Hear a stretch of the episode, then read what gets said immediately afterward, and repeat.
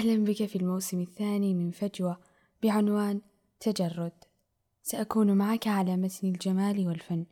في خامس فجوة عرفنا كيف نرى الألوان. وفي سادس فجوة سنتعرف على الفنان الذي هو غارق في صومعته يصارع شعورا ويتحدى لونا ما. قد يكون ميالا للعزلة. فهل تعرف لماذا؟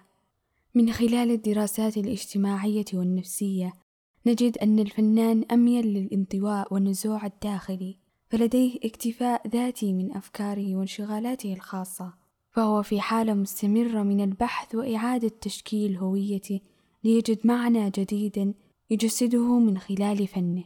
لذا فهو يميل للعزلة كونها توفر له تحررا من الرقابة المجتمعية وقدرا أكبر من التأمل وتكسبه شجاعة للخروج عن المألوف. فكأن على ظهره أجنحة ولديه رأس مفتوح يظهر عقله ولا يستطيع أن يظهر بهذا الشكل إلا إذا كان بداخل تلك الصومعة نازعا عنه رداءه الذي يرتديه عند خروجه للعالم.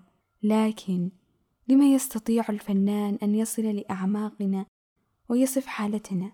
تتميز مشاعر الفنان بالكثافة والعمق فالكل يشترك مع الفنان في نوع المشاعر لكن يختلف في درجتها وهذا يحثه على التعبير بشكل مختلف. أيضا هو يفكر بشعوره من خلال فنه فالرسام من لوحته الكاتب من حروفه الموسيقار بأنغامه وارتباط الفنان بفنه ليس ارتباط تفريغ وحسب هو ارتباط مؤازرة وصوت ضد صمته عمق وتكوين لمعنى له.